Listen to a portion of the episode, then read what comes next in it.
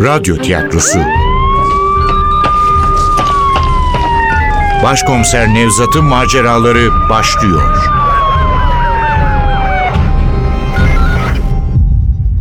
Kırlangıç Çığlığı 20. Bölüm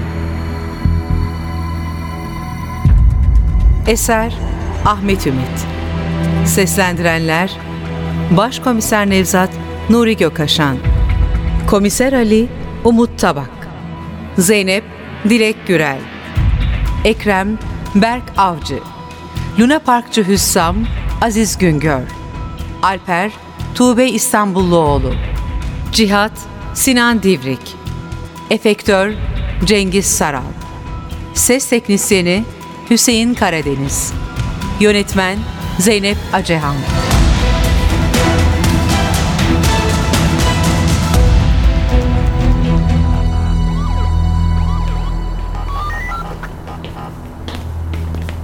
Ekrem'in Luna Park dediği yer, millet uzun yaz akşamlarında vakit geçirsin, çoluğunu çocuğunu oyalasın diye kurulmuş dönme dolap, atlı karınca, uçan salıncaklar, tüfekle atış yapılan bir standtan oluşan mütevazı bir eğlence mekanıydı. Şehrin büyük çoğunluğunda olduğu gibi burada da ışıklar sönmüş, ilk akşamki hareketlilik sona ermişti. Elbette uçan sandalyeleri saymazsak. Onlarca metal sandalyede bir adam uzun saçları rüzgarda dalgalanarak dönüyordu. Ürkütücüydü. O anda hissettim serinliği. Dönen sandalyelerden tatlı bir rüzgar geliyordu yüzüme. Ancak o güçlü esintiyle birlikte pis bir koku çarptı burnuma. İyi geceler başkomiserim. Kolay gelsin Ekrem. Nedir bu böyle? Maktulü sandalyelerden birine bağlamışlar. E görüyoruz. Niye durdurmuyorsunuz aleti? Şey, Zeynep komiserim. Durduracağız da adamı bulamadık. Luna Park'ın yetkilisi kapatıp gitmiş. Cihat'ı yolladım az önce. Bulup getirir şimdi. Bu körebe hakikaten enteresan bir adammış. İnce çalışıyor adam. Şu mizansene baksanıza sanki film seti hazırlamış. Bir müzik eksik. Görebe olduğundan emin değilim. Kimse 10 saat içinde iki cinayet işleyemez başkomiserim. Üstelik böyle mizansenler kurulan, düzenekler hazırlanan cinayetler. Hayır, hiç kimse bu kadar kısa sürede iki cinayet işleyip tek bir delil bırakmadan ortadan kaybolamaz. Eğer Zekai amirimi öldüren kişi körebe ise bu cinayeti kesinlikle başkaları işlemiştir. Başka türlü olamaz. Ya körebenin adamları varsa? Öyle demedik mi? Belki de ona özenen adamlar bulmuştur. Eğer kendini taklit edenleri de işin içine katıyorsa o Zekai amirimi öldürürken taklitçileri de yukarıdaki arkadaşı halletmişlerdir. Körebe yalnız çalışıyor Ali'cim. Çalışıyordu. O 5 yıl önceydi Zeynep'ciğim. Ya fikrini değiştirdiyse? Mümkündü. Amacı sadece bu uçan sandalyedeki adamı öldürmek de olabilirdi. Böylece Haziran ayının cinayet döngüsünü kapatacaktı. Belki de birkaç gün önce öldürmüştü adamı. Bu gece de olay mahalline yerleştirecekti ki Zekai'nin kendisini fark ettiğini öğrendi. Ve bizim emekli başkomiseri öldürmek zorunda kaldı. Ama neden bugün yaptı? Birkaç gün sonra da öldürebilirdi. Eğer telefonlarımızı dinlemiyorsa Zekai'nin benimle konuşacağını bilmesine imkan yoktu. Tabii bizimki katilin yüzüne körebe sensin demediyse. Hayır Zekai bu kadarını yapmazdı. Ne kadar öfkelenirse öfkelensin kendini kontrol ederdi. Dolayısıyla Ali'nin tahmini hiç de gerçekçi değildi. Öte yandan gerçeğin ne olduğuna karar verecek bilgi ve belgeye henüz ulaşamamıştık. O yüzden iki yardımcımın hiçbir sonuca ulaşamayacak akıl yürütmelerinden uzaklaşmak istedim. Birkaç adım attım. Amacım kafamızın üzerinde dönüp duran maktulü görmekti. Ama hem alacakaranlık hem dönüp duran alet buna izin vermedi. Bir adım geriden beni izleyen Ekrem'e döndüm. Şahit filan var mı Ekrem? Yok başkomiserim. Her zamanki gibi şahit falan yok. Aslında böyle yerlerin bekçisi olması lazım. Onu da göremedik. İşte Cihat da geliyor. Bulmuş galiba yetkiliyi. Nasıl gidersin kardeşim? Böyle sorumsuzluk olur mu? Adamı senin mekanında öldürmüşler, senin salıncağına bindirmiş döndürüyorlar. Senin dünyadan haberin yok. Horul horul uyuyorsun. Haklısınız amirim. Ama benim olayla hiçbir alakam yok. Luna Park'ı da boş bırakmam zaten. Bizim Musa'yı bekçi diye bıraktım. Çekip gitmiş. Bana da yalan söylüyor sabaha kadar kalıyorum diye. Hüssam'ı getirdim başkomiserim. Kendisi bu mekanın sahibi. Allah sizi inandırsın başkomiserim. Benim bu işte alakam yok. Tamam. Tamam Hüsam konuşacağız. Önce şu aleti durdur bakalım. Hemen. Acele et çabuk. Ölü, ölü şu adam mı? Ben ceset görmeye dayanamam. Bakma o zaman. Hadi gel. Düş önüme de durduralım şu Merat'ı. Derhal amirim. Maktule yaklaşınca sıcak havanın içinde insanı öğürten o ceset kokusu çarptı burnuma. Hiç kuşku yok ki adam birkaç gün önce öldürülmüş. Pek de soğuk olmayan bir yerde saklanmıştı. Elimle burnumu kapatarak yaklaştım.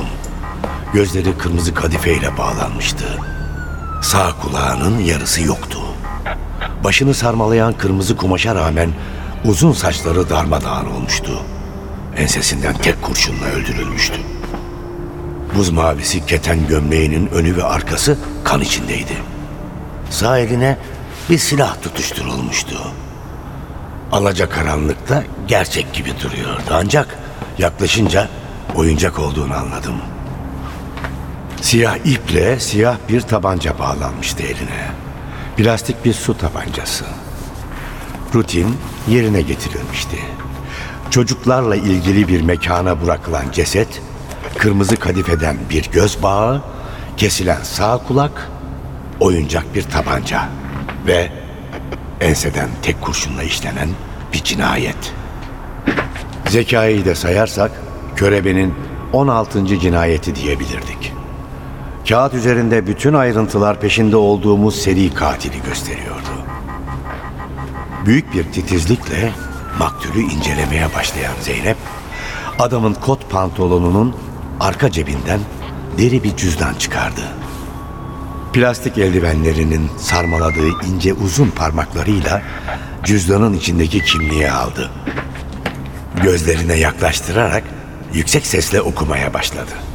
Kansu Sarmaşık, İstanbul, Çekmeköy. Derhal bakıyorum GBT'sine. Kansu sarmaşık değil mi? Evet, 21-11-1970 doğumlu bekar. Ha, adam doktormuş başkomiserim. Bir cerrah, bir doktoru öldürmüşler. Çocuk tacizcilerinin özel bir mesleği olduğunu sanmıyorum Zeynep'ciğim. Bu sapkınlık her meslekten insanı ele geçirebilir. Ekonomik durumu, eğitim seviyesi ne olursa olsun herkesi ele geçirebilir. Serap Hastanesi'nde çalışıyormuş. Şu Levent'teki hastane. Geçen ay babamı götürmüştüm. İyi bir hastane bildiğim kadarıyla. Hastanenin iyi olmasıyla ne alakası var? Nereden bilecekler adamın çocuk tacizcisi olduğunu? Alnında mı yazıyor?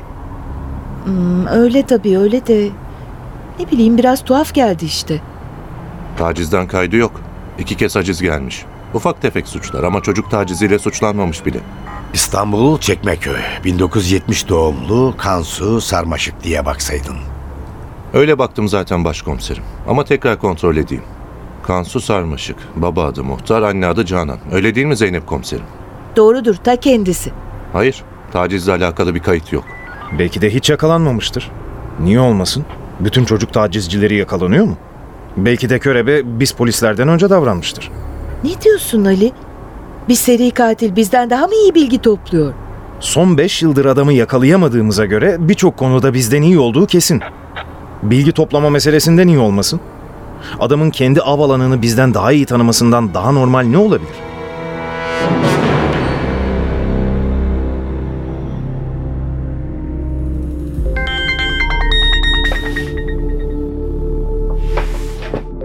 Neden sonra duydum zili ama uyku sersemliği içinde önce kapı çalıyor zannettim.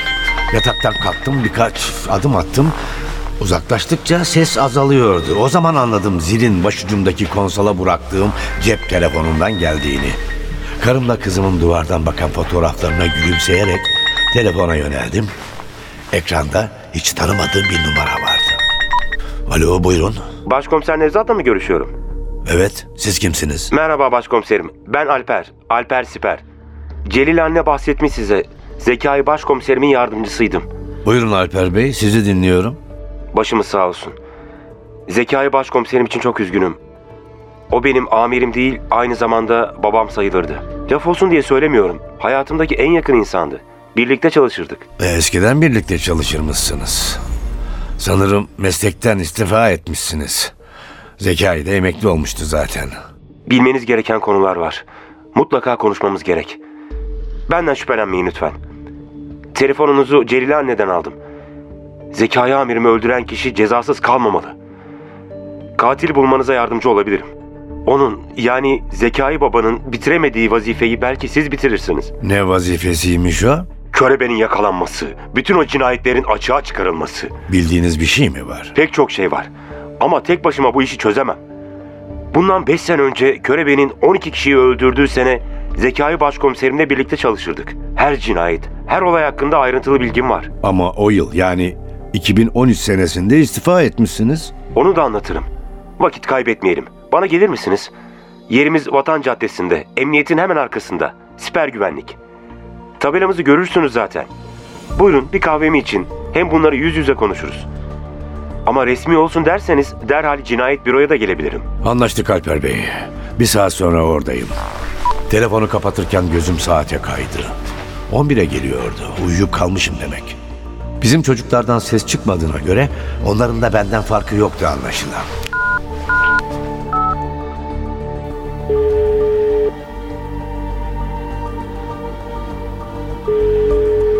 Günaydın başkomiserim. Emredin. Günaydın Ali. Ne yapıyorsunuz? Salacak'tayım.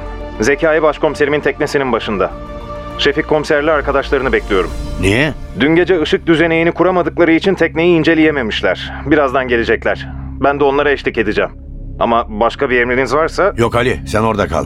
Zeynep nerede? sabah erkenden adli tıbba gitti. Arda'nın DNA'sıyla müdürünün tırnaklarının arasından çıkan doku örneklerini karşılaştıran raporu alacakmış. Arayayım isterseniz. Teşekkür ederim ben ararım. Sen salacakta kal. Ayrıca teknenin başına iki de memur dik. Orayı gündüz gözüyle bizim de yeniden incelememiz lazım. Emredersiniz başkomiserim. Yeniden telefonumun tuşlarına bastım.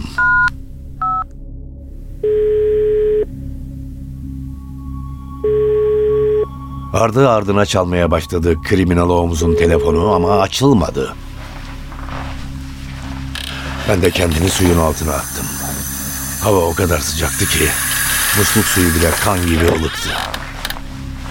Tıraş oldum, giyindim, kendime bir tost yaptım. Sallama çay hazırladım. Ayak üzeri karnımı doyurdum.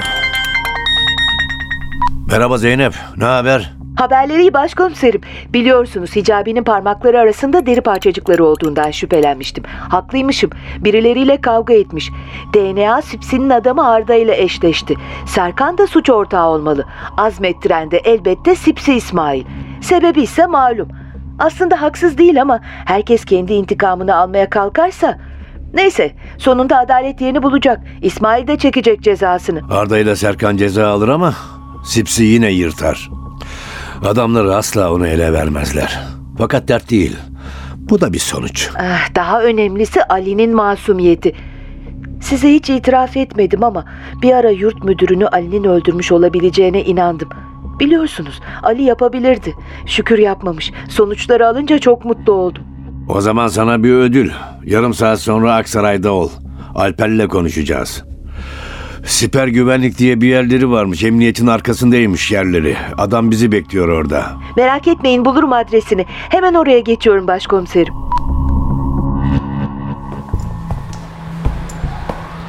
Caddenin hemen girişinde göze çarpıyordu siper güvenlik tabelası. İstanbul caddelerini kirleten o devasa, iğrenç tabelalardan biri. Logosunu emniyettekine benzetmiş. Zeynep'i giriş kapısının önünde dikilirken buldum. Sanki karşısında bir zanlı varmış gibi soru dolu bakışlarla binayı inceliyordu. Merhaba Zeynep. Nereye bakıyorsun öyle? Bu adamların böyle bir hakkı var mı? Teşkilatın logosuyla kuruluş yıl dönümlerinde kullanılan afişlerden aşırma bir kompozisyon kullanmış. Yapmaması lazım. Kimse de uyarmamış anlaşılan. Hem de emniyet binasının burnunun dibinde. Zeynep sözünü tamamlayamadan açılan kapıda dün gece bilgisayarda yüzünü gördüğümüz Alper beliriverdi. Fotoğrafından daha genç gösteriyordu, daha sevimli, daha enerjik. Hemen gerisinde ondan en az iki baş daha uzun bir dev duruyordu. Alper güçlü ayaklarının üzerinden yaylanarak gülümsedi. Hoş geldiniz başkomiserim. Hoş bulduk Alper Bey. Hoş bulduk da emniyetin afişinin logosunu birebir taklit etmişsiniz ya. Sahi mi? Hiç farkında değilim valla. Reklam şirketinin işgüzarlığı işte. Merak etmeyin. Bugün ikaz ederim. Değiştiririz hepsini. E, Siz de komiser Zeynep olmalısınız. Evet öyleyim. Ne tür koruma hizmetleri veriyorsunuz? Fabrikalar, iş yerleri, eğlence merkezleriyle mi çalışıyorsunuz? Eğlence mekanlarıyla çalışıyorduk. Şimdi daha çok sağlık sektörüne hizmet veriyoruz. Özel hastanelere koruma sağlıyoruz. Moda ve eğlence sektörüyle de iş yapıyoruz. Defileler, konserler filan ama sürekli olmuyor tabii. O böyle anlatırken köşeyi döndük ve geniş bir salona girdik. Kahverengi harflerle renksiz duvarı süsleyen her temas bir iz bırakır yazısını okuyan Zeynep daha fazla dayanamadı. Yok artık. Böylece kendimi evimde hissediyorum. Hiç de öyle hissettiğini zannetmiyordum. Emniyete yakınlığını göstermek istiyordu. Hem kendi çalışanlarına hem müşterilerine. Ama sabretmek gerekiyordu. Kriminoloğumuza bakarak kaş göz işaretleriyle sakin olmasını işaret ettim. Anladı kızımız. Tamam dercesine bakışlarını kaçırdı. Duvarları koyu sarı kağıtlarla kaplı uzun koridordan ilerideki kapıya yürüdük. Kırlangıç Çığlığı. Eser Ahmet Ümit. Seslendirenler Başkomiser Nevzat Nuri Gökaşan Komiser Ali Umut Tabak. Zeynep Dilek Gürel. Ekrem Berk Avcı. Luna Parkçı Hüssam Aziz Güngör. Alper Tuğbe İstanbulluoğlu. Cihat Sinan Divrik Efektör Cengiz Saral. Ses Teknisyeni Hüseyin Karadeniz. Yönetmen Zeynep Acehan.